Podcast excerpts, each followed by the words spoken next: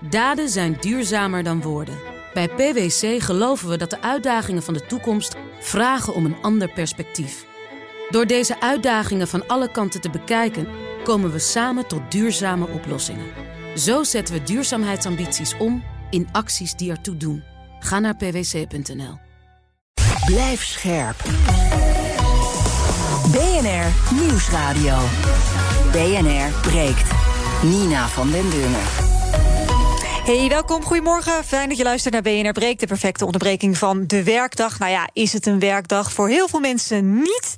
31 december is aangebroken, het moment dat we terugkijken en vooruitblikken. Dat doen we in onze speciale eindejaarseditie van BNR Breekt. In mijn panel vandaag André van Hout, voorzitter van de Jonge Socialisten. Fijn dat je er bent. Goedemorgen. En Emma Mouthuin van de skerenstudent.nl. Goedemorgen. Uh, fijn dat jullie wel even wilden werken vandaag. Hoewel jullie niet eens betaald krijgen om hier te zitten. Dus dat is helemaal erg. Laten we maar meteen beginnen.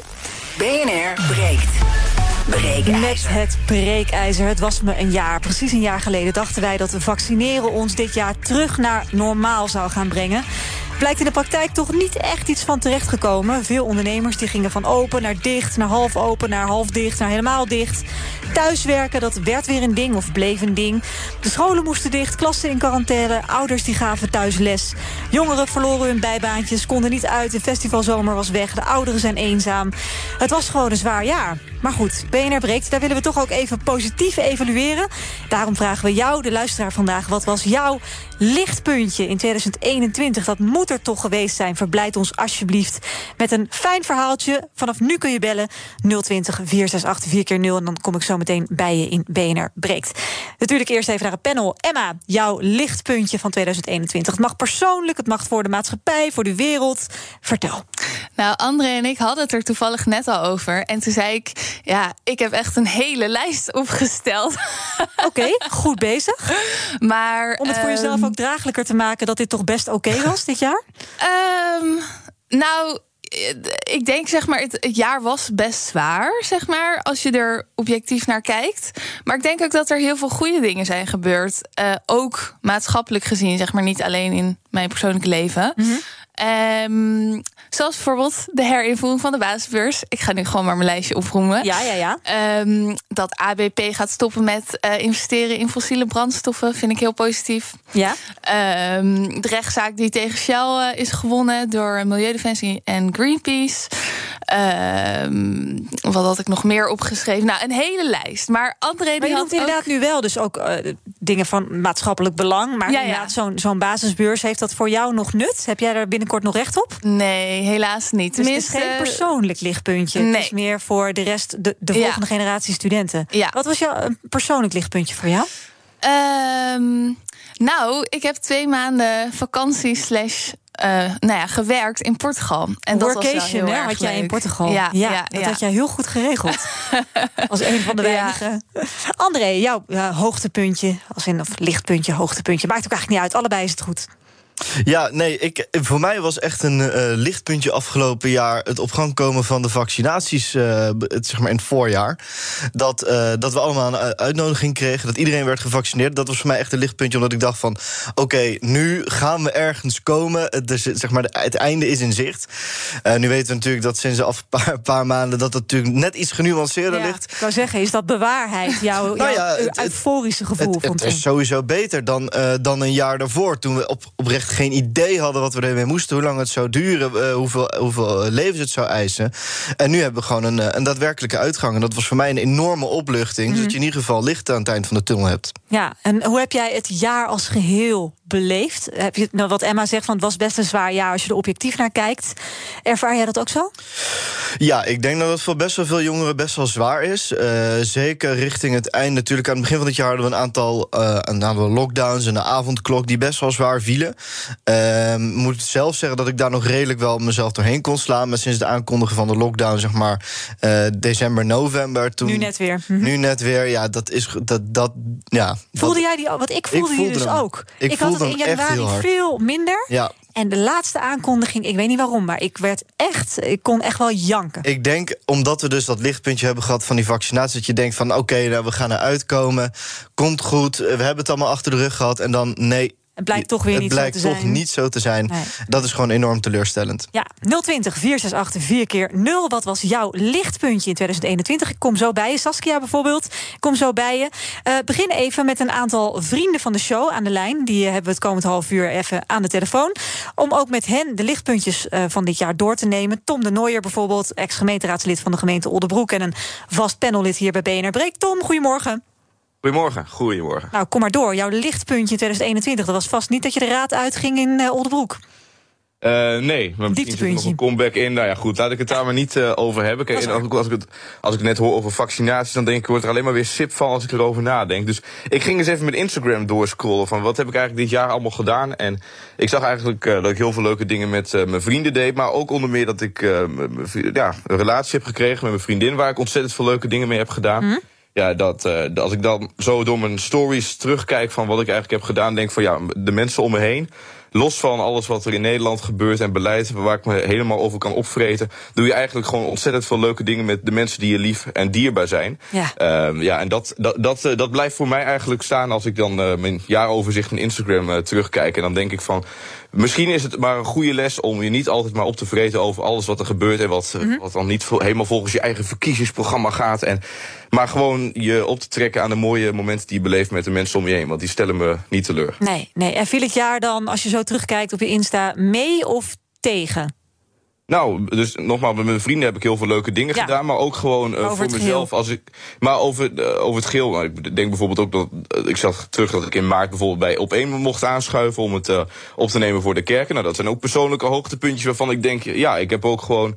als het gaat om nou, mijn mening laten horen. en opkomen voor de, de zaak waarvoor ik sta. best wel mooie dingen mogen doen het afgelopen jaar. Dus daar ben ik ook wel dankbaar voor de kansen die ik gekregen heb. om op die manier ook je geluid te laten horen. Mooi, Tom. Dankjewel dat je even erbij wilde zijn in deze eindejaarsuitzending. Tom de. Nooijer, ex-gemeenteraadslid voor de SGP in de gemeente Oldenbroek. We gaan even naar eh, Thomas van Groningen. Ons, eh, nou, nog op de valreep, Thomas, mag ik je misschien nog net het politiek verslaggever voor BNR noemen? Ja, nog 13 uur. Nog 13 Dan, uur. eh, daar... sta, sta ik nog onder contract, dus Ja. gebruik van, zou ik zeggen. It's Ja. the final countdown. Jij blijft 13 uur lang hier op de zender. hey, wat was Ja. jouw, eh, jouw eh, lichtpuntje in 2021? Je contract Ja, op één. Ja, dan krijg je eindelijk een keer Nou, fatsoenlijk betaald natuurlijk. Dat is persoonlijk waarschijnlijk wel leuk. Maar eh, als je het over politiek kijkt, er is natuurlijk heel veel gebeurd. Het was een politiek eh, behoorlijk roerig jaar. Mhm. Ehm, en heel veel mensen in Nederland eh, zagen ineens. Eh, goh, eh, of zeiden ineens van een puinhoop daar in Den Haag. En daar zit ook een klein lichtpuntje in, dat klinkt gek. Maar ehm, wij merkten het bij BNR, maar ik hoor het ook van collega's. Dat is dat eh, politiek nieuws het afgelopen jaar meer geconsumeerd is. Dus dat ehm, het bredere publiek iets meer interesse heeft gekregen in de politiek. Dat is eigenlijk omdat het heel slecht gaat met de politiek. Omdat er, ja, eh, eh, de, de, cultuur in Den Haag was een beetje verrot, was een beetje verziekt. De sfeer was verziekt. Ja. Maar daardoor kregen veel mensen zoiets, komt ook door corona natuurlijk, van ja, wie runt nou eigenlijk ons land? En eh, waarom doen ze dit nou eigenlijk? En ik denk dat dat wel goed is. Dat meer mensen, die bijvoorbeeld ook straks in maart weer naar de stembus gaan voor de gemeenteraadsverkiezingen, zich bezighouden met wat er in de politiek gebeurt. Nu nog in de lokale politiek, dat zou helemaal een mooi lichtpuntje zijn. Als we dat voor 2022 voor elkaar kunnen krijgen. Maar je merkt in ieder geval afgelopen jaar, en dat is denk ik wel een lichtpuntje, dat eh, politiek nieuws, eh, politieke journalistiek, eh, wat meer aandacht kreeg. En dat is ook belangrijk, want het gaat daadwerkelijk ook over de mensen die, die keuzes maken, die Ja. invloed hebben op iedereen. En er zijn heel veel mensen in Nederland nog steeds die geen idee hebben eh, wie de premier is. Die zijn er echt. Ja. En dat, dat, dat groepje is een beetje kleiner geworden, verwacht ik. Emma, herken je dit? Dat er inderdaad gewoon echt veel meer aandacht is. En ook misschien wel veel meer meningen. Wat misschien dan weer niet altijd goed is voor het debat. Ja, heel erg. Ja. Dat heb jij ook zelf misschien wel eens wel ervaren. ja. Polarisatie in het debat. André? Ja, ik heb, eh, ik heb wel meegemaakt dat er heel veel mensen veel meer interesse hebben getoond in de politiek. Eh, of door corona, ja, natuurlijk heeft dat een goede, goede kickstart gemaakt. Maar ik merk ook wel dat heel veel vrienden van mij, ja, die persconferenties, die kan ze wat schelen.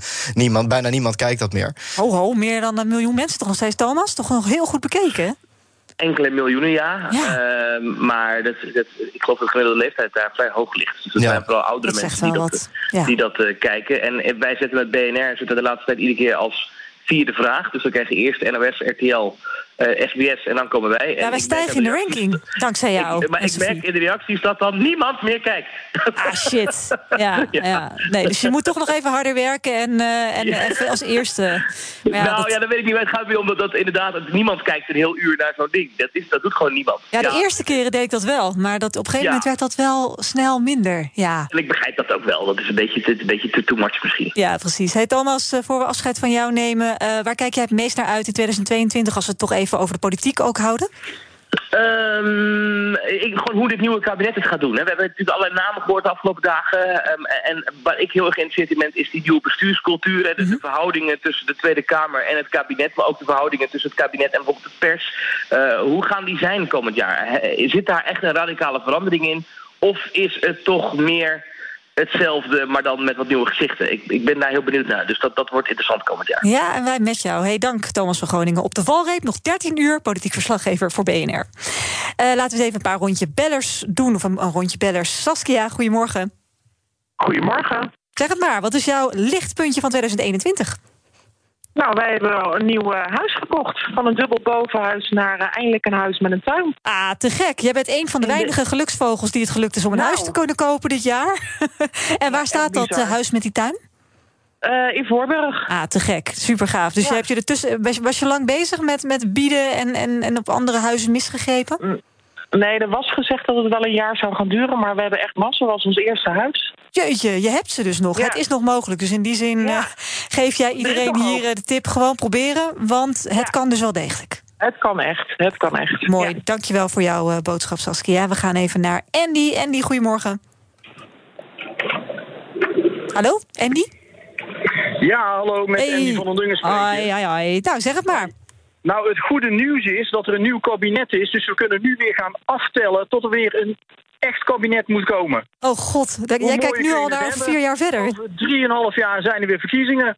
Ja, daar kijk jij nu al naar uit. Daar kijk ik nu naar uit, want dit kabinet had er natuurlijk gewoon nooit, nooit mogen komen. En iedereen die ik spreek, die zegt eigenlijk hetzelfde. Dus de lef dat ze weer hier gaan zitten. Ik bedoel, Groningen is een ramp gebleken voor al die mensen. Die zitten nog steeds op geld te wachten. De toeslagenaffaire. Facebook die gaat zoveel stroom in Zeewolde afnemen voor 400.000 huishoudens. En wij moeten alles, elke particulier en consument, die moet alles opdraaien.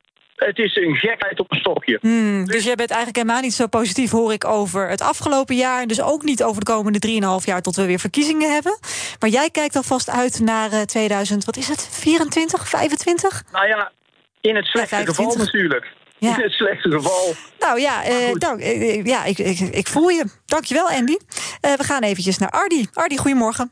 Nina, goedemorgen, hallo. Ja, ik kijk even wel positief terug op eh, 2021 in de zin van ondernemerschap was wat lastiger, omdat je veel thuis uit niet naar klanten toe komt. Ja. Online wel veel kunnen doen, eh, daar ook financiële coaching. En dat is wel een van mijn eh, speerpunten, dat ik zeg van laat mensen zelf positief dingen opbouwen. Eh, zie je nu bij ondernemers ook, wij hebben het daar een stuk drukker gekregen, omdat je daar passief inkomen opbouwt en dan minder afhankelijk bent. Oh ja. Daarnaast ook wel weer BNL hebben ontdekt door het thuis zitten, dus dat is ook wel positief. Oh, dat vinden wij ook zeer positief nieuws hier bij BNR. Wel? En, en daardoor dus ook het stukje participatie wat je nu doet. Ik denk dat mensen daar ook wel op zitten te wachten. En niet dat er allemaal verteld wordt wat je zou moeten doen. En dat ze zelf geen inspraak hebben. Nee, nee, dat klopt. Het, het werkt ook wel echt in dit programma. Ja, dat je gewoon lekker. Dit is de grote opinie, eh, opinieradio van BNR. Dus wat dat betreft eh, zit je goed. Ardi, dankjewel voor jouw positieve boodschap. Eh, we gaan even naar Fred. Als je wil bellen, kan trouwens 020 468 4 keer 0 Dan hoor ik graag je lichtpuntje van 2021. Fred, goedemorgen. Goedemorgen. Ik heb twee lichtpuntjes. Mooi. Eén persoonlijk lichtpuntje. Mijn oude auto van 20 jaar is APK goedgekeurd. Yes, yes. Dat is echt topnieuws. Ja? Ja, dat is topnieuws. 20 jaar oud. En een ander lichtpuntje is dat Pieter Omzicht, Renske en Azarkan hun gelijk hebben gekregen en het kabinet toen viel. De toeslagenaffaire. Die ze, want zij zijn natuurlijk de Kamerleden de- die de toeslagenaffaire echt hebben aangezwengeld. Hè, op de agenda hebben gezet. En daarbij hebben, feliciteer ik ze van harte. Helemaal helder. Dankjewel, Fred. Mooie lichtpuntjes ook. Eh, we gaan even naar een andere vriend van de show. Erik van Gorp, IC-arts, viroloog aan het Erasmus Medisch Centrum. Goedemorgen, Erik. Goedemorgen. Jij bent uh, veel bij ons geweest wat betreft uh, ja, corona-gerelateerde zaken bij BNR. Uh, en ook bij BNR Breekt. Um, jouw lichtpuntje van 2021, wat zou jij zeggen? ja, afgelopen jaar hebben we natuurlijk ook, ook de lichtpuntjes proberen te belichten in een moeilijke tijd. Maar mijn lichtpuntje voor dit jaar is, is samen. dat we het samen aankunnen. Mm -hmm. En dat samen betekent verbinding. En dat is eigenlijk het sterkste antwoord op polarisatie. Ja. Wat dat betreft is, uh, wat mij betreft, dat het uh, lichtpunt. En waar zie jij die verbinding nog? Want ik denk dat heel veel mensen juist de neiging hebben om te kijken naar die enorme polarisatie. Ja, ik denk dat we afgelopen jaar hebben gezien dat, uh, of eigenlijk in 2020 toen het begon, dat er een heel sterk samengevoel is. Met de tijd en de onzekerheid die daarna is gekomen, zie je dat dat samen weer ja, losraakt. Hè? Dat is zelfs polarisatie, dat we elkaar kwijtraken. Maar uiteindelijk, we mogen anders denken. We kunnen verschillende meningen hebben. Uiteindelijk weten we dat we het samen moeten doen. Uh, en dat die verbinding, uh, ja, dat maakt ons sterk. Ja, ja. En maar dat, uh, wat, wat Erik zegt, dat voel jij misschien ook wel. Ja, verbinding is zo belangrijk. En ja, ik, ik zeg maar, ik snap op zich ook wel wat hij bedoelt met het samen doen, zeg maar, met corona. Maar ik, ja, ja, ik persoonlijk ben geen voorstander van het 2G-beleid, zeg maar. Mm. Um, dus, en ik vind dat dus ook niet een voorbeeld van het samen doen tegen corona. Hoe kunnen we het versterken, denk jij, de verbinding onderling? Um, nou ja, laat mensen in hun waarde gewoon om niet om te kiezen, zeg maar, om niet gevaccineerd te worden. En ik zeg dit niet als antivaxer, want ik ben wel gevaccineerd. Mm -hmm. En als zo meteen een booster komt, ik zeg dit maar even erbij voor iedereen die nu luistert. Uh, als er zo meteen een booster komt uh, voor mijn leeftijdsgroep, dan ga ik die ook zeker halen. Uh, maar ik vind het wel moeilijk om te zien.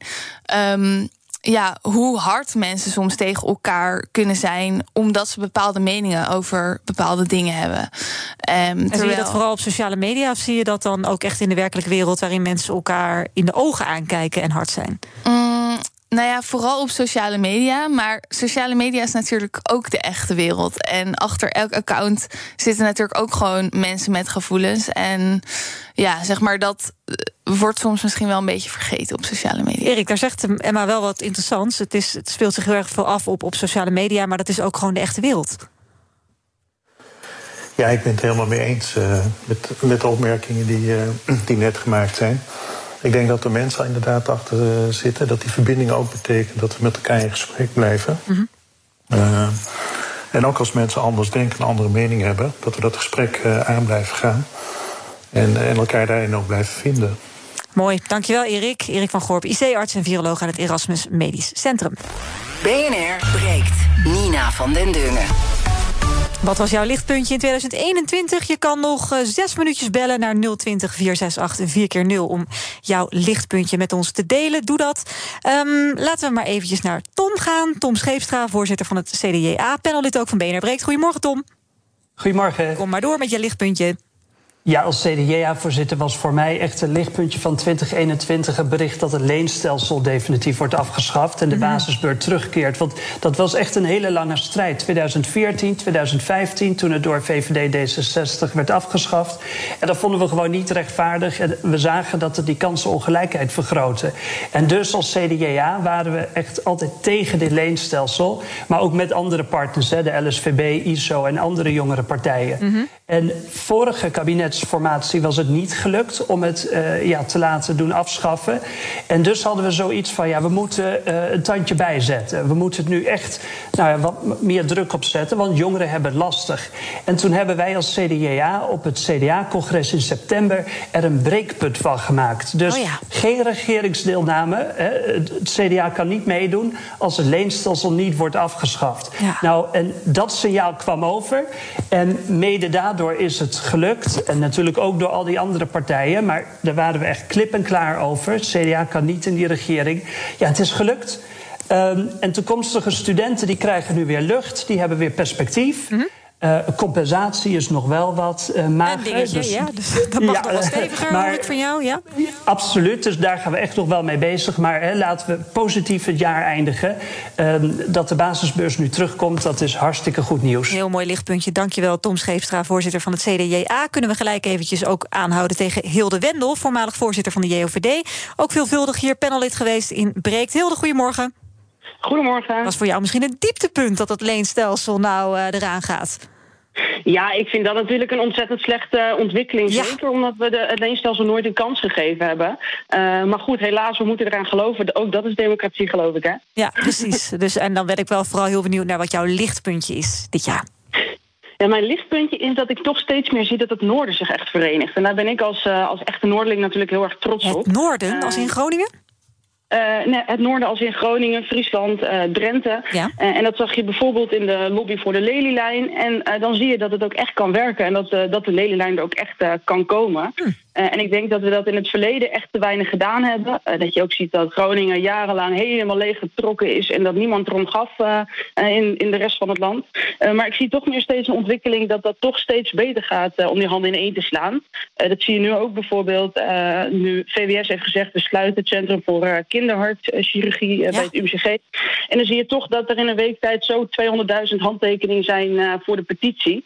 Uh, en dan zie je toch dat het hier in het noorden echt helemaal leeft. En dat we zoiets hebben van we gaan het met z'n allen oppakken. En we zorgen dat het echt niet gaat gebeuren. Ja. en dat geeft mij wel heel veel ja, moed en, en, hoop ook voor Mooi. 2022. Ja, dat is inderdaad een mooie ontwikkeling. Dankjewel Hilde. Hilde Wendel is voormalig voorzitter van de JOVD. Um, laten we eens even gaan kijken, want ik zit nog steeds met mijn panel natuurlijk. Uh, André van Hout, voorzitter van de Jonge Socialisten... en Emma Mouthaan van skerenstudent.nl. En we hebben nog een paar vrienden van de show te gaan. Bijvoorbeeld Jurjen van den Berg, politiek watcher... directeur van campagnebureau De Goede Zaak. Jurjen, goedemorgen. Goedemorgen, Nina. En het lichtpuntje van 2021 is? Uh, dat zijn wij allemaal, de burger. Oh. Uh, het viel mij heel erg op dat... Uh, we hebben natuurlijk een jaar gehad waarin de politiek heel erg met zichzelf bezig was... Mm -hmm. En uh, terwijl zij niet goed opletten, uh, hebben burgers zich enorm verenigd. En dat begon al met Christy Rongen. Ik weet niet of je haar nog kunt herinneren. Zij zat in, in dat verkiezingsdebat met Mark Rutte. Uh, ja, die, en Mark ja, Rutte begon die, zijn riedel. Een, een, een slachtoffer van de toeslagenaffaire, hè? Klopt, ja. ja. En Christy, een van de slachtoffers van het toeslagenschandaal, die zei: Ik stop u even. Uh, waarna zij echt glansrijk de discussie won met de premier. En uh, nee, die toeslagenouders ook niet meer weg waren. Nee. Uh, een van je eerdere bellers zei, zei het ook. Um, helaas is er nog van alles niet geregeld in die compensatie. Uh, maar er zal niemand in politiek Den Haag zijn die erover nadenkt om dit niet tot achter de laatste komma te fixen. Mm -hmm. en dat hebben we mede dus te danken aan deze hele assertieve opstelling van die Christy Rongen. En daarna heb ik nog een heleboel van dat soort voorbeelden gezien. Of het nou ging om uh, de organisatoren van het woonprotest of de grootste klimaatmars ooit. Of uh, het nieuws in het afgelopen regeerakkoord dat uh, de verbreding van de A27 bij Amelisweert niet doorging. Allemaal te danken aan burgers. En dat vind ik eigenlijk wel heel vet. Ja, ja, dat is ook wel vet. Mooi, dankjewel Jurjen van den Berg. Jurjen van den Berg, politiek watcher, directeur van campagnebureau De Goede Zaak. Uh, nog even een paar bellers doen. Even kijken. Frodo, goedemorgen. Ja, goedemorgen Nina. Uh, allereerst lichtpuntje. Ja, dat ben jij als je presenteert natuurlijk. Dankjewel Frodo, heel leuk. Ja, hey, maar uh, makkelijk binnenkomen. Maar nee, uh, het is een beetje persoonlijk. En het heeft met ondernemen te maken. Ja. het gaat om onze zoon, die is 15 en die heeft een vorm van autisme. -huh. En daar hebben we wel eens wat mee te stellen gehad. en lastig, prikkelgevoelig en zo. En toen dachten wij van... Oh, wij dachten heel vaak van, ja, waar kan die nou terecht? Ja, als je een baantje wil of dit of dat. Ja. En per toeval reed ik langs een cateraar. Die woont bij mij verderop in de straat. En ik uh, belde hun eens om te vragen van... Uh, nou, zou hij daar kunnen passen? Mm -hmm. Ze zei, geen probleem. Gewoon laten komen en we zien wel. Nou, wat gaaf. Nou, en dat gaat goed. Hij, hij is nog steeds. Hij, is er, uh, oh, hij, hij werkt er nog steeds, volle tevredenheid. Ja, hij vindt het, ja, vindt hij het leuk? Hij, nou, hij zegt gewoon gehaktballen draaien. En, uh, en hij ja. Maar hij doet zijn ding. Hij is blij met zijn geld. En uh, dit hadden wij nooit, nooit verwacht. Ah, supermooi. En, uh, En, maar dat is het belang van dat ondernemen, dat kleine ondernemerschap, hoe belangrijk dat is. Dat wou ik er ook mee aangeven. Ja, ja. En dat hangt, dat hangt wel aan een zijde draadje hè, in deze tijd. Ja, ja, klopt. Ook, ook mijn boodschap. Laten we daar alsjeblieft de lokale ondernemerschap, niet alleen voor het geld, maar ook voor de sociale samenhang. Nou ja, Stimuleren. dat is mijn boodschap. Helder, dankjewel Frodo. Echt mooi gezegd. Loni, gaan we even naar jou. Goedemorgen Loni. Ja, dat ben ik. Ja, zeg het maar. Wat is je lichtpuntje? Ik heb het al verteld van die drie kinderen van mijn zoon in Amerika, dat die allemaal geslaagd zijn. Ja, dit heb, je, dat heb je tegen de redacteur verteld, maar dat was niet op de radio. En nou ben je op de radio. Oh, ik ben nu op de radio. Ja, dus vertel maar even in, in, in één zin. Nou, ik kreeg met kerstmis een kaart van een zoon uit Amerika. En hij heeft drie kinderen. Eentje van 24, eentje van 22 en eentje van 20. Ja. Het zijn allemaal geslaagd. De ene van voor accountancy, de andere voor computer science en de andere voor robot. Nou, dat is te gek. Wat mooi, wat een mooi nieuws. Met al die problemen, ze hebben allemaal corona gehad en weet ik veel allemaal. Hebben ze toch maar mooi voor elkaar gekregen. Ze hebben goed inkomen, ze hebben allemaal een huis met die leeftijd daar. Ja, dat is dus te ik gek. ben wel heel erg trots op ze. Nou, en terecht. Dankjewel, Loni. Eh, we gaan nog even naar een paar vrienden van de show. Martin Buizen, hoogleraar rechten gezondheidszorg aan de Erasmus Universiteit Rotterdam. Martin. Goedemorgen. Hey, goedemorgen. Zeg het maar, je hoogtepuntje van 2021. Mijn hoogtepuntje zijn eh, mijn studenten. En mijn studenten hebben natuurlijk het afgelopen jaar voornamelijk online onderwijs gevolgd. En dat is eerlijk gezegd maar een slap aftreksel. Onderwijs, universitair onderwijs eh, moet fysiek zijn. Je moet discussiëren, je moet elkaar ontmoeten, je moet eh, debatteren op het scherpst van de snede. Dus voor iemand die gelooft in fysiek onderwijs is het eh, het afgelopen jaar eh, nou, moeilijk geweest. Snap maar toch ja. hebben mijn studenten er alles uitgehaald. Ze zijn heel erg gemotiveerd geweest, eh, heel erg idealistisch. Ze hebben er toch alles van, eh, van weten te maken. En eh, nou ja, goed. Het idealisme, de motivatie van, eh, van mijn studenten in de afgelopen periode geeft me echt heel veel vertrouwen in de toekomst. Geweldig, dus dat neem je ook zeker mee voor volgend jaar, denk ik dan, Martin. Absoluut, absoluut. Top. Dankjewel, Martin. Eh, hoogleraar recht en gezondheidszorg aan de Erasmus Universiteit in Rotterdam. En we eindigen met Arnold Bosman, epidemioloog, voormalig expert van het inmiddels opgeheven Red Team. Goedemorgen, Arnold. Hi, goedemorgen. Nou, je lichtpuntje van dit jaar. Nou, mijn persoonlijke lichtpuntje van het jaar is de geboorte van eh, onze kleinzoon Arthur. Ah, dat is mooi. Dat was eh, super, dat, onvergetelijk en, en, en, en prachtig. Ehm, en professioneel het lichtpuntje vind ik eigenlijk ook dat ehm, datgene waar ik al zo lang aan heb gewerkt eh, in voorbereiding voor epidemieën en zo, daar staat centraal hoe krijg je eh, samenleving eh, achter je maatregelen, hoe krijg je medewerking vanuit de samenleving.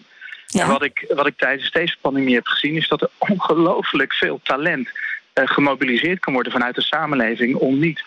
Eh, ik denk het Red Team, hè, wat je nu net noemt, is een voorbeeld daarvan. We hebben totaal onbezoldigd eh, hebben we ons ingezet voor ehm, eh, ja, om, een adviesperspectief te geven. Maar daarnaast wat je ook ziet, is dat er mensen die nooit eerder met volksgezondheidsgegevens of met, ehm, eh, met infectieziektedata hebben gewerkt, maar wel heel veel verstand hebben van dataverwerking, die hebben de meest prachtige dashboards gemaakt en, eh, en surveillance-overzichten en blijven dat op een dagelijkse manier doen. Monitoren, En ik denk ja. die monitoring, ik, denk, ik, vind, ik vind dat zo'n ontzettend mooi lichtpuntje van er zit heel veel eh, kwaliteit eh, en bereidheid in de samenleving. Dat is al eerder gezegd door Jurjen in eh, een paar minuten geleden bij jou. Ehm, en ik denk wat, wat mijn wens is voor 2022 is dat de overheid veel beter leert om te luisteren naar haar.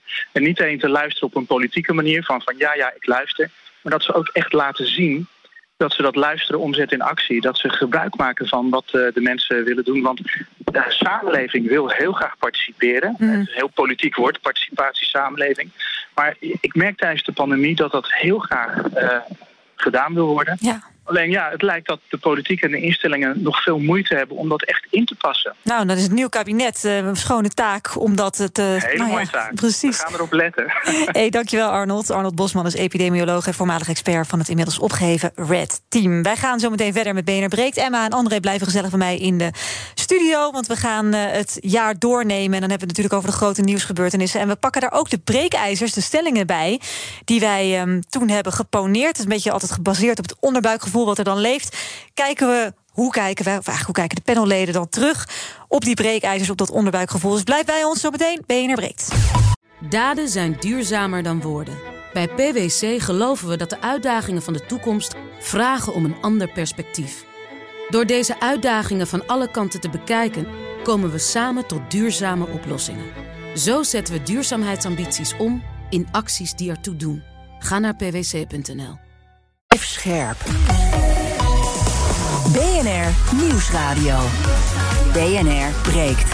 Nina van den Dungen. Welkom terug, tweede half uur van BNR Breekt. In mijn panel vandaag Emma Mouthaan van skerenstudent.nl... en André van Hout, voorzitter van de Jonge Socialisten. We gaan het hebben over het afgelopen jaar, 2021. We beginnen natuurlijk op, uh, nou ja, eigenlijk in januari... want we gaan gewoon naar chronologische volgorde doen. Toen gebeurde er onder andere dit. Now it is up to Congress to confront this egregious assault on our democracy. And after this, we're going to walk down, and I'll be there with you. We're going to walk down... We're going to walk down anyone you want, but I think right here we're going to walk down to the Capitol and we're going to cheer on our brave senators and congressmen and women. And we're probably not going to be cheering so much for some of them.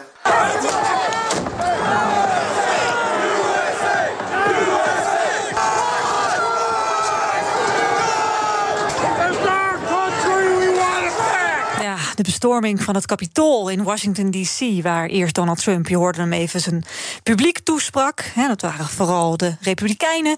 En die wilden niet accepteren dat Joe Biden de verkiezingen had gewonnen. They stole it from us. Ons breekijzer over dit nieuws de volgende dag was de Amerikaanse democratie. Uh, de, Amerikaanse democratie is stuk. André, hoe kijk jij nu terug? Ben je daarmee eens of oneens? Nou ja, de Amerikaanse democratie is natuurlijk al langere tijd een beetje. Nou goed, eh, daar kun je je over verbazen wat daar soms gebeurt. Uh, zeker ook in januari met de kapitoolbestorming. Maar ik denk dat. Nou, nou, ben ik misschien al wel eens vooruit aan borduren. Maar ik denk dat Joe Biden een hele goede zaak doet om het land weer bij elkaar te brengen. Ja, waar zie je dat aan? Nou, ook aan zijn retoriek. Dat hij, dat hij toch ook wel uh, verschillende kanten probeert te belichten. Dat hij beleid doorvoert uh, dat niet alleen maar ziet op... nou, we zijn nu democraten en het moet nu allemaal... moet het op een zeg maar ouderwetse democrat, democraten manier... maar echt proberen met nieuwe politiek... ook voor mensen naar mensen omkijken om dat soort politiek in te voeren. En dat vind ik een hartstikke goede, goede ja, een goede ontwikkeling voor de Verenigde Staten. Dus de Amerikaanse democratie is stuk, daarvan zeg jij oneens. Met als je nu kijkt op dit moment. Uh, over stuk oneens. Oké, okay. Emma. Um, eens. Je bent het eens ja. met dat, het, dat die stuk is? Ja, okay. ja, ja, maar dat is meer, zeg maar, denk ik, omdat het soort van. Ik vind het hele systeem van dat je überhaupt, zeg maar, maar twee grote partijen hebt, vind ik soort van heel kwalijk. En dan is hey, wij gaan lekker met 19 partijen hier. ja, dat gaat goed. Weet je, dat is misschien een beetje veel. Maar dat betekent wel dat mensen tenminste iets kiezen of kunnen kiezen waar ze ook echt zeg maar achter staan. Terwijl nu is het voor veel mensen, tenminste krijg ik het gevoel dat het een soort van kiezen tussen twee kwade is. Je bent blauw of rood. Gevoel. Mm -hmm. Ja, precies. Of je bent blauw of je bent rood. En veel mensen hebben met allebei de partijen niet echt, uh, zeg maar, dat ze er helemaal achter staan. Maar ja, je moet toch een keuze maken. En veel meer keuze dan dat heb je niet. Je hebt volgens mij een groene partij of zo, Libertarians. Maar ja, die stellen zeg maar niks voor. Weet je ja, wel. Die doen dus... niet mee, die doen niet serieus nee. mee in de verkiezingen. Dus jij zegt in die zin vind ik de Amerikaanse democratie wel degelijk stuk ja. vanwege het stelsel. Ja, hm. ja. Hoe vind jij dat Biden het doet? Um, wel goed op zich. Ja, ik Had je er meer van verwacht of minder? Of? Um, nou, ik had misschien wel iets meer van hem verwacht, ja. Maar goed, ik denk ook van hij is wel in een hele lastige situatie terechtgekomen, zeg maar, als president zijnde. En ik heb wel het als idee. Met de erfenis van Trump of hoe ja, je dat? Ja, ja, ja, ja, met de erfenis van Trump. Eh, maar ook met corona natuurlijk. Oh ja. Eh, zeg maar, weet je wel, als in de hele situatie is gewoon nu lastig. Uh, dus ik heb wel het idee dat hij, zeg maar. Een, een, hele verbetering is. Oké. Okay. Nou, ik, ik, dacht juist, ik had veel minder verwacht dan wat hij nu had gedaan. Ik dacht, nou, oh. kom weer een democraat die van alles belooft natuurlijk. En dan ter zijner tijd wordt het toch wel weer een beetje de grote bedrijven toch ondersteunen. Toch blijken zij toch weer de bouwsteen te zijn van onze samenleving. Maar ik vind echt dat hij heel goed de verbinding opzoekt. Juist naar zo'n tijd van Trump, waarin polarisatie in de Verenigde Staten centraal staat, probeert hij echt mensen bij elkaar te krijgen. En dat had ik echt niet van een uh, Amerikaanse president op deze manier verwacht. Trump heeft wel te kennen gegeven dat hij waarschijnlijk weer wil opgaan voor de volgende Amerikaanse verkiezingen. Ehm, kijk je uit naar verkiezingen vol vuurwerk en spektakel, of zeg je dat is een zwarte dag voor de wereld? André. Als hij weer verkozen wordt, Nou, of? als hij mee gaat doen, laten we daar maar stap 1 doen. Eh, nou, ik, ik ben sowieso niet zo'n fan geweest van nou, de Amerikaanse verkiezingen met alle bombarie en de, en de popsterrencultuur die daar omheen, omheen hangt. Eh, maar ik denk dat als Trump weer meedoet, dat het dan geen hele, hele leuke, nette, degelijke verkiezing meer wordt. Eh, dat gaat over de inhoud. Nee, dat, dus dat, ja, in die zin voor de inhoud is het een zwarte dag als hij zich weer gaat kandideren. Jij eh, eens, Emma? Ja, ja. En Kamala Harris, waar is die gebleven? Ja. Achter Joe Biden. Maar had je, had je daar dan bijvoorbeeld meer van verwacht? Want dat was natuurlijk ook echt. Ze werd met een grote belofte, eh vicepresident. Ha- Had je van haar meer verwacht? Of vind je het een hele logische plek die zij inneemt? Ik vind het wel logisch. Ik bedoel, ja, van andere vicepresidenten heb je natuurlijk ook niet heel veel meegekregen, zeg maar, tijdens presidentschappen. Dus waarom zou zij eh, alleen dan, ga ik even vanuit, omdat ze vrouw is of omdat ze zwart is, zou ze dan meer in beeld moeten zijn? Nou ja, denk ik niet. Nee. Dus jij zegt eh, nee, zij doet gewoon de Ja. stinkende best. En dat doet ze waarschijnlijk goed. Ja, ja. We gaan naar eh, 13 januari wel in naar Nederland. We gaan even weg vanuit Amerika, eh, vanuit Amerika. Er werd toen hier voor het eerst gesproken over de invoering van een avondklok. En een paar dagen later ging dat uiteindelijk zo. Maar ik begin met de avondklok. Hoe gaat die er wat ons betreft concreet uitzien? Als de Kamer instemt, dan gaat, die aanklop, dan gaat die avondklok in een paar dagen na het Kamerdebat. Er zijn een paar dagen nodig om dan alles formeel goed te regelen. En dan geldt die in heel Nederland tussen half negen s'avonds en half vijf in de ochtend. Dus tussen 20 uur 30 s'avonds en 4 uur 30 in de ochtend. Dat is het voornemen. En dat betekent dat het in principe verboden is om tussen deze uren op straat te zijn, behalve als je onder een van de uitzonderingen valt. Nou, het werd uiteindelijk een half uurtje later. Dat had de Kamer er dan toch maar weer mooi uit weten te slepen. We moesten om negen uur s'avonds binnen zijn. En ons breekijzer van dat moment was... de invoering van een avondklok is het bewijs van een falend coronabeleid. Emma, eens of oneens? Ehm, nee. Oneens? Ja. Oneens. Ehm, nou ja, ik vind het gewoon. Het, het is niet een falend coronabeleid, het is een maatregel.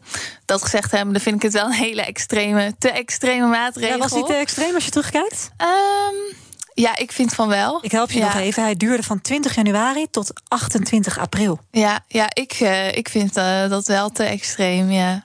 Het sloeg nergens Nou ja, misschien Nou ja, sloeg het wel ja, ergens het op. sloeg wel ergens op. Maar te extreem. Ja. André?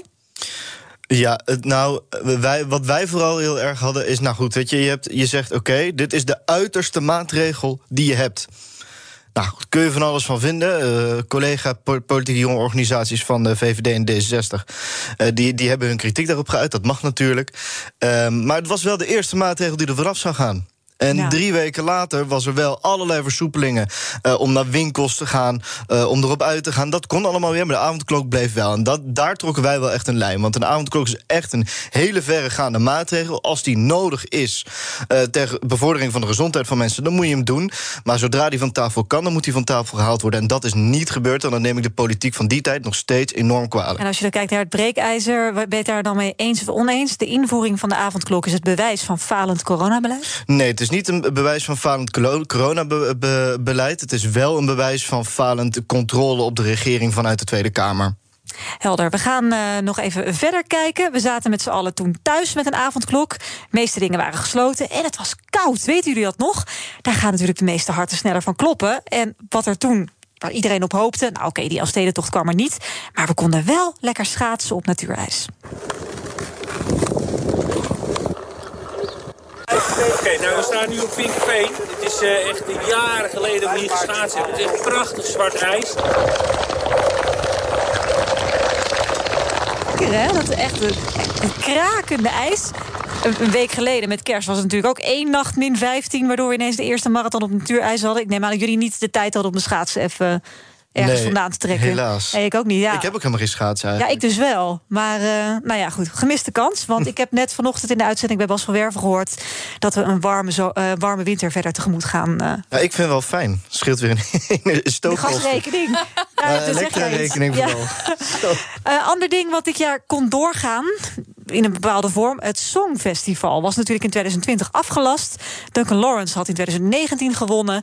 En uh, toen kwam het Europese festijn naar Ahoy. Nou, dat was toen dit jaar weer een van de eerste grote evenementen met publiek. Italië won met Maneskin. En voor Nederland deed Django Macroy mee.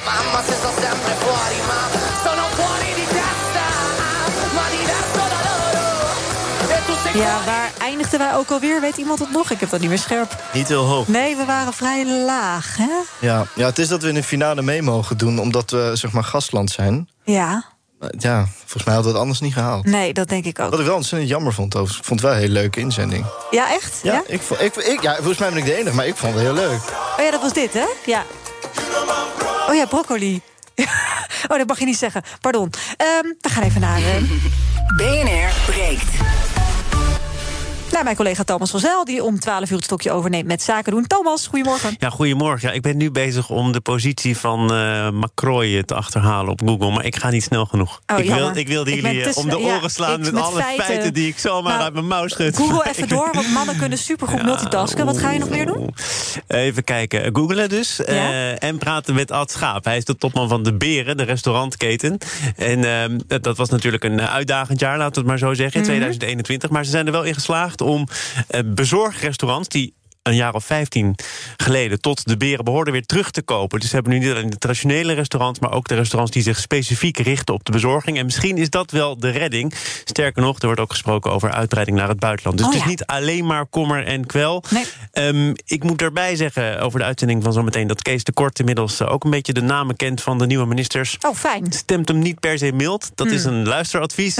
en eh, we beginnen met eh, de ontwikkelingen rond Hunter Douglas. Bekend van de Luxaflex. is een hele soap geweest. Wel van de beurs, niet van de beurs.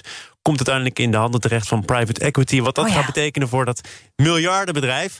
dat ga je ook horen in BNR Zaken doen. Mooi. Hey, en Thomas, ik heb wel even kunnen multitasken en kunnen googelen. Django Macroy Nou, nee, nee, nee, nee, nee, ik weet het ook bijna. Nee, 23 eindigde oh, die. Ja. Ja, ik zie het hier. Nog net voor Spanje en achter San Marino. Ja, ik was eerst. Ja, ja. Doei, Thomas.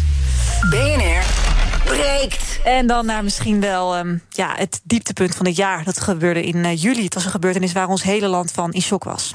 Het is eh, exact 9 uur. Goedenavond. U luistert naar een extra uitzending van BNR Nieuwsradio. Naar aanleiding van het neerschieten van misdaadverslaggever Peter R. de Vries in Amsterdam eerder vanavond.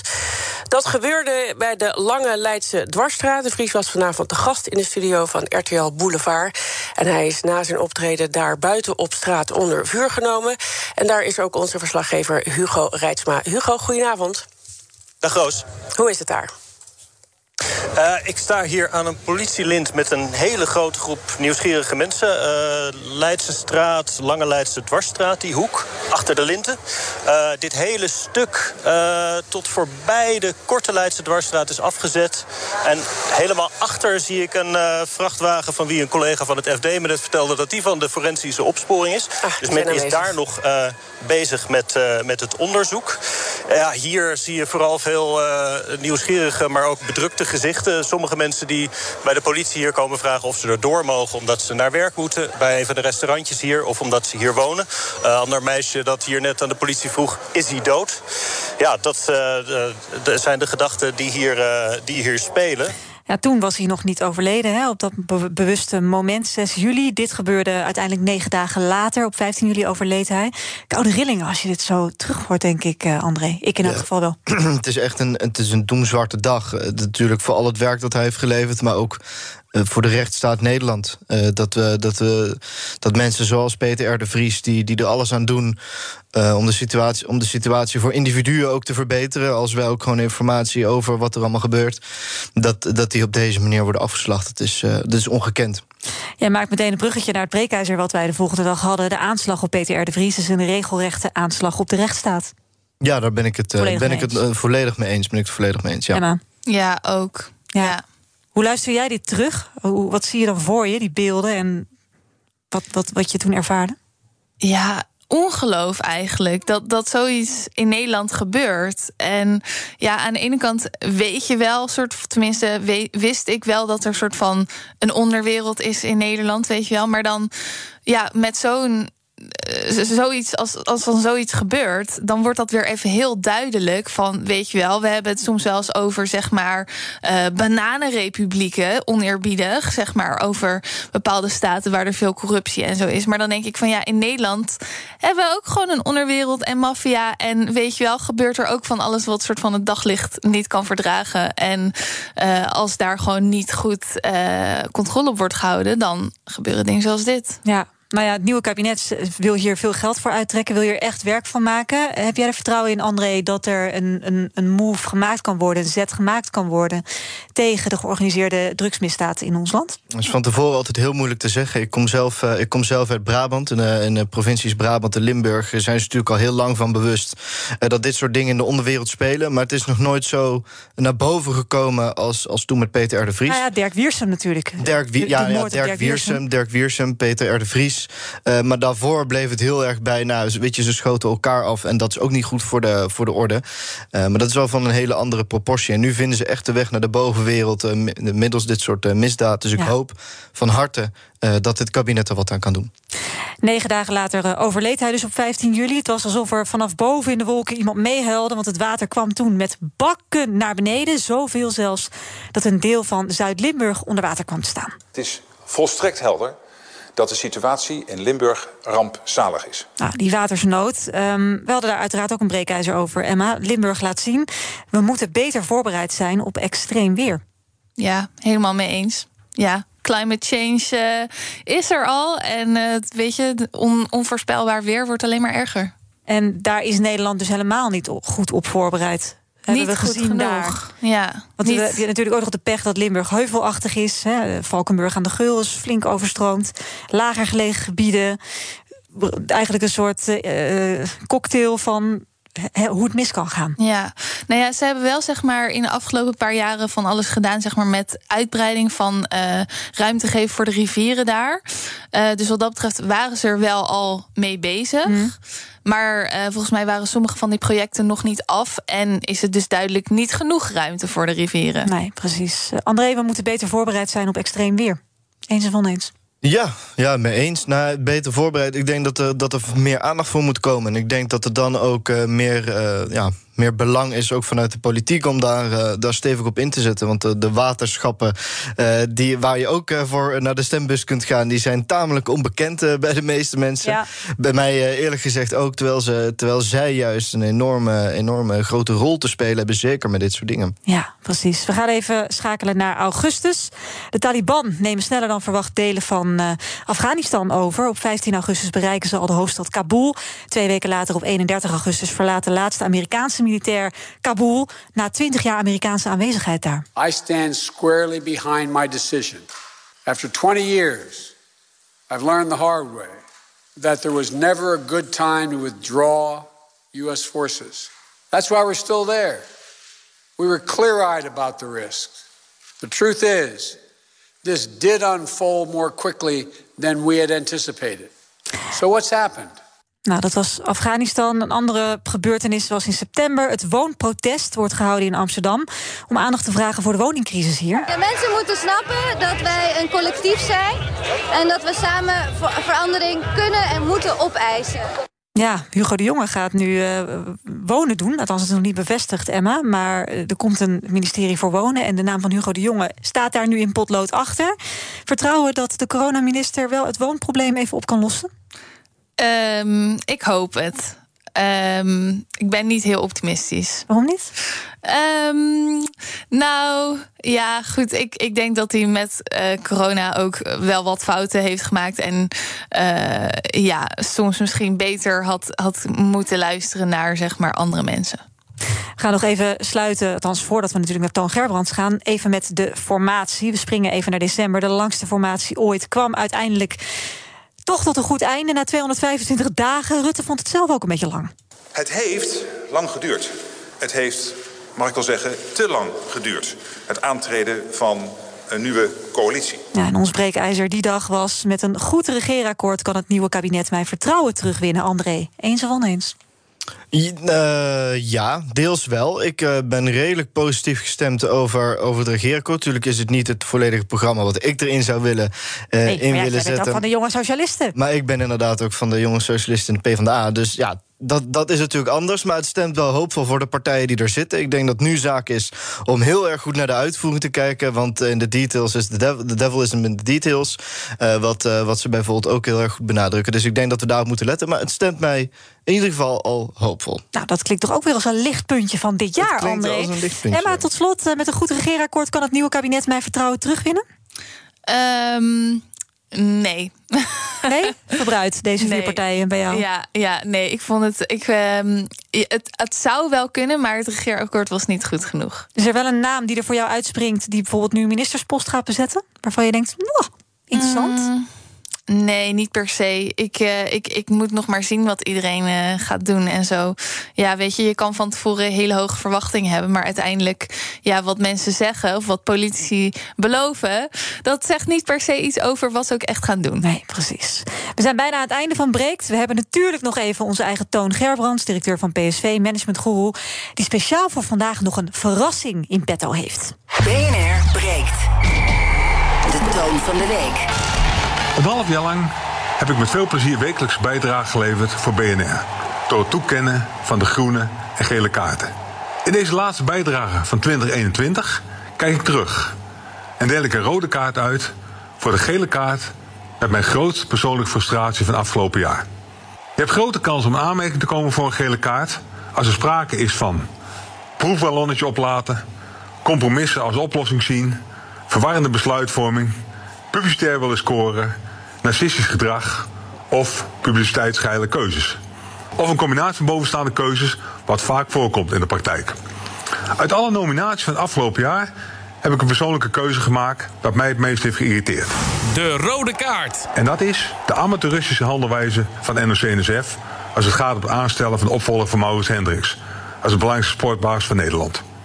De huidige algemeen directeur, volgens mij kent niemand zijn naam, heeft een procedure en een structuur bedacht waardoor het duidelijk is dat je nooit de beste kandidaat krijgt. Want er is een sollicitatieprocedure gestart met een totaal uitgeklede profielschets, waarbij de sportpaars van Nederland geen directeur meer is, maar een manager. Uiteraard valt deze functie onder de algemeen directeur. Hoeveel fouten kan je maken? Ik heb een vergelijking gemaakt toen de tijd met de functie van bondscoach van het Nederlands elftal. Zou echt iemand denken dat Louis van Gaal gesolliciteerd zou hebben en meedoen aan een soort beauty contest? Kom op zeg. Als je zaken echt voor elkaar hebt, dan ken je de toppers voor deze functie en dan ga je voor de deur liggen en je sportvisie bespreken. Daarom is de rode kaart dik verdiend voor NOC-NSF. Ze hebben zich geprofileerd als een ambtenarenorganisatie die met toppers wil werken. Ja, en dat gaat helaas niet samen. Maar goed, laat ik toch maar even positief eindigen dit jaar. De groene kaart. Wat heb ik een respect voor Jan Rot. Hij kreeg afgelopen jaar de boodschap dat hij ongeneeslijk ziek was. In het Algemeen Dagblad heeft hij daarna ons in wekelijkse columns deelgenoot gemaakt van zijn twijfels, zijn angsten, de perspectieven en zijn mindere momenten. Het is echt indrukwekkend om te lezen hoe hij op de smalle rad die er nog is voor hem tussen leven en dood alles durft te benoemen. Ik wil hem hier oprecht voor bedanken. Wat zou het mooi zijn als iemand die aan hem zou kunnen overbrengen. Want ik schat in dat hij geen vaste luisteraar is van BNR. Op naar de volgende week van Toon in het nieuwe jaar. Tot volgende week. De beste wensen voor iedereen. Was getekend. Toon. Toon, dankjewel. Ja, ook fijne feestdagen. En dank voor al jouw bijdrages in 2021. Ook veel dank aan mijn panelleden vandaag. Emma Mouthaan van skerenstudent.nl. En André van Hout, de voorzitter van de Jonge Socialisten. Maandag 3 januari 2022 gaan wij weer een frisse start maken met BNR Breek. Tot die tijd volg je ons op de socials. Straks zaken doen met Thomas van Zel. En natuurlijk wens ik en het complete BNR Breek-team jou een heel veel beter nieuwjaar. Ciao, ciao. Daden zijn duurzamer dan woorden. Bij PwC geloven we dat de uitdagingen van de toekomst vragen om een ander perspectief. Door deze uitdagingen van alle kanten te bekijken, komen we samen tot duurzame oplossingen. Zo zetten we duurzaamheidsambities om in acties die ertoe doen. Ga naar pwc.nl.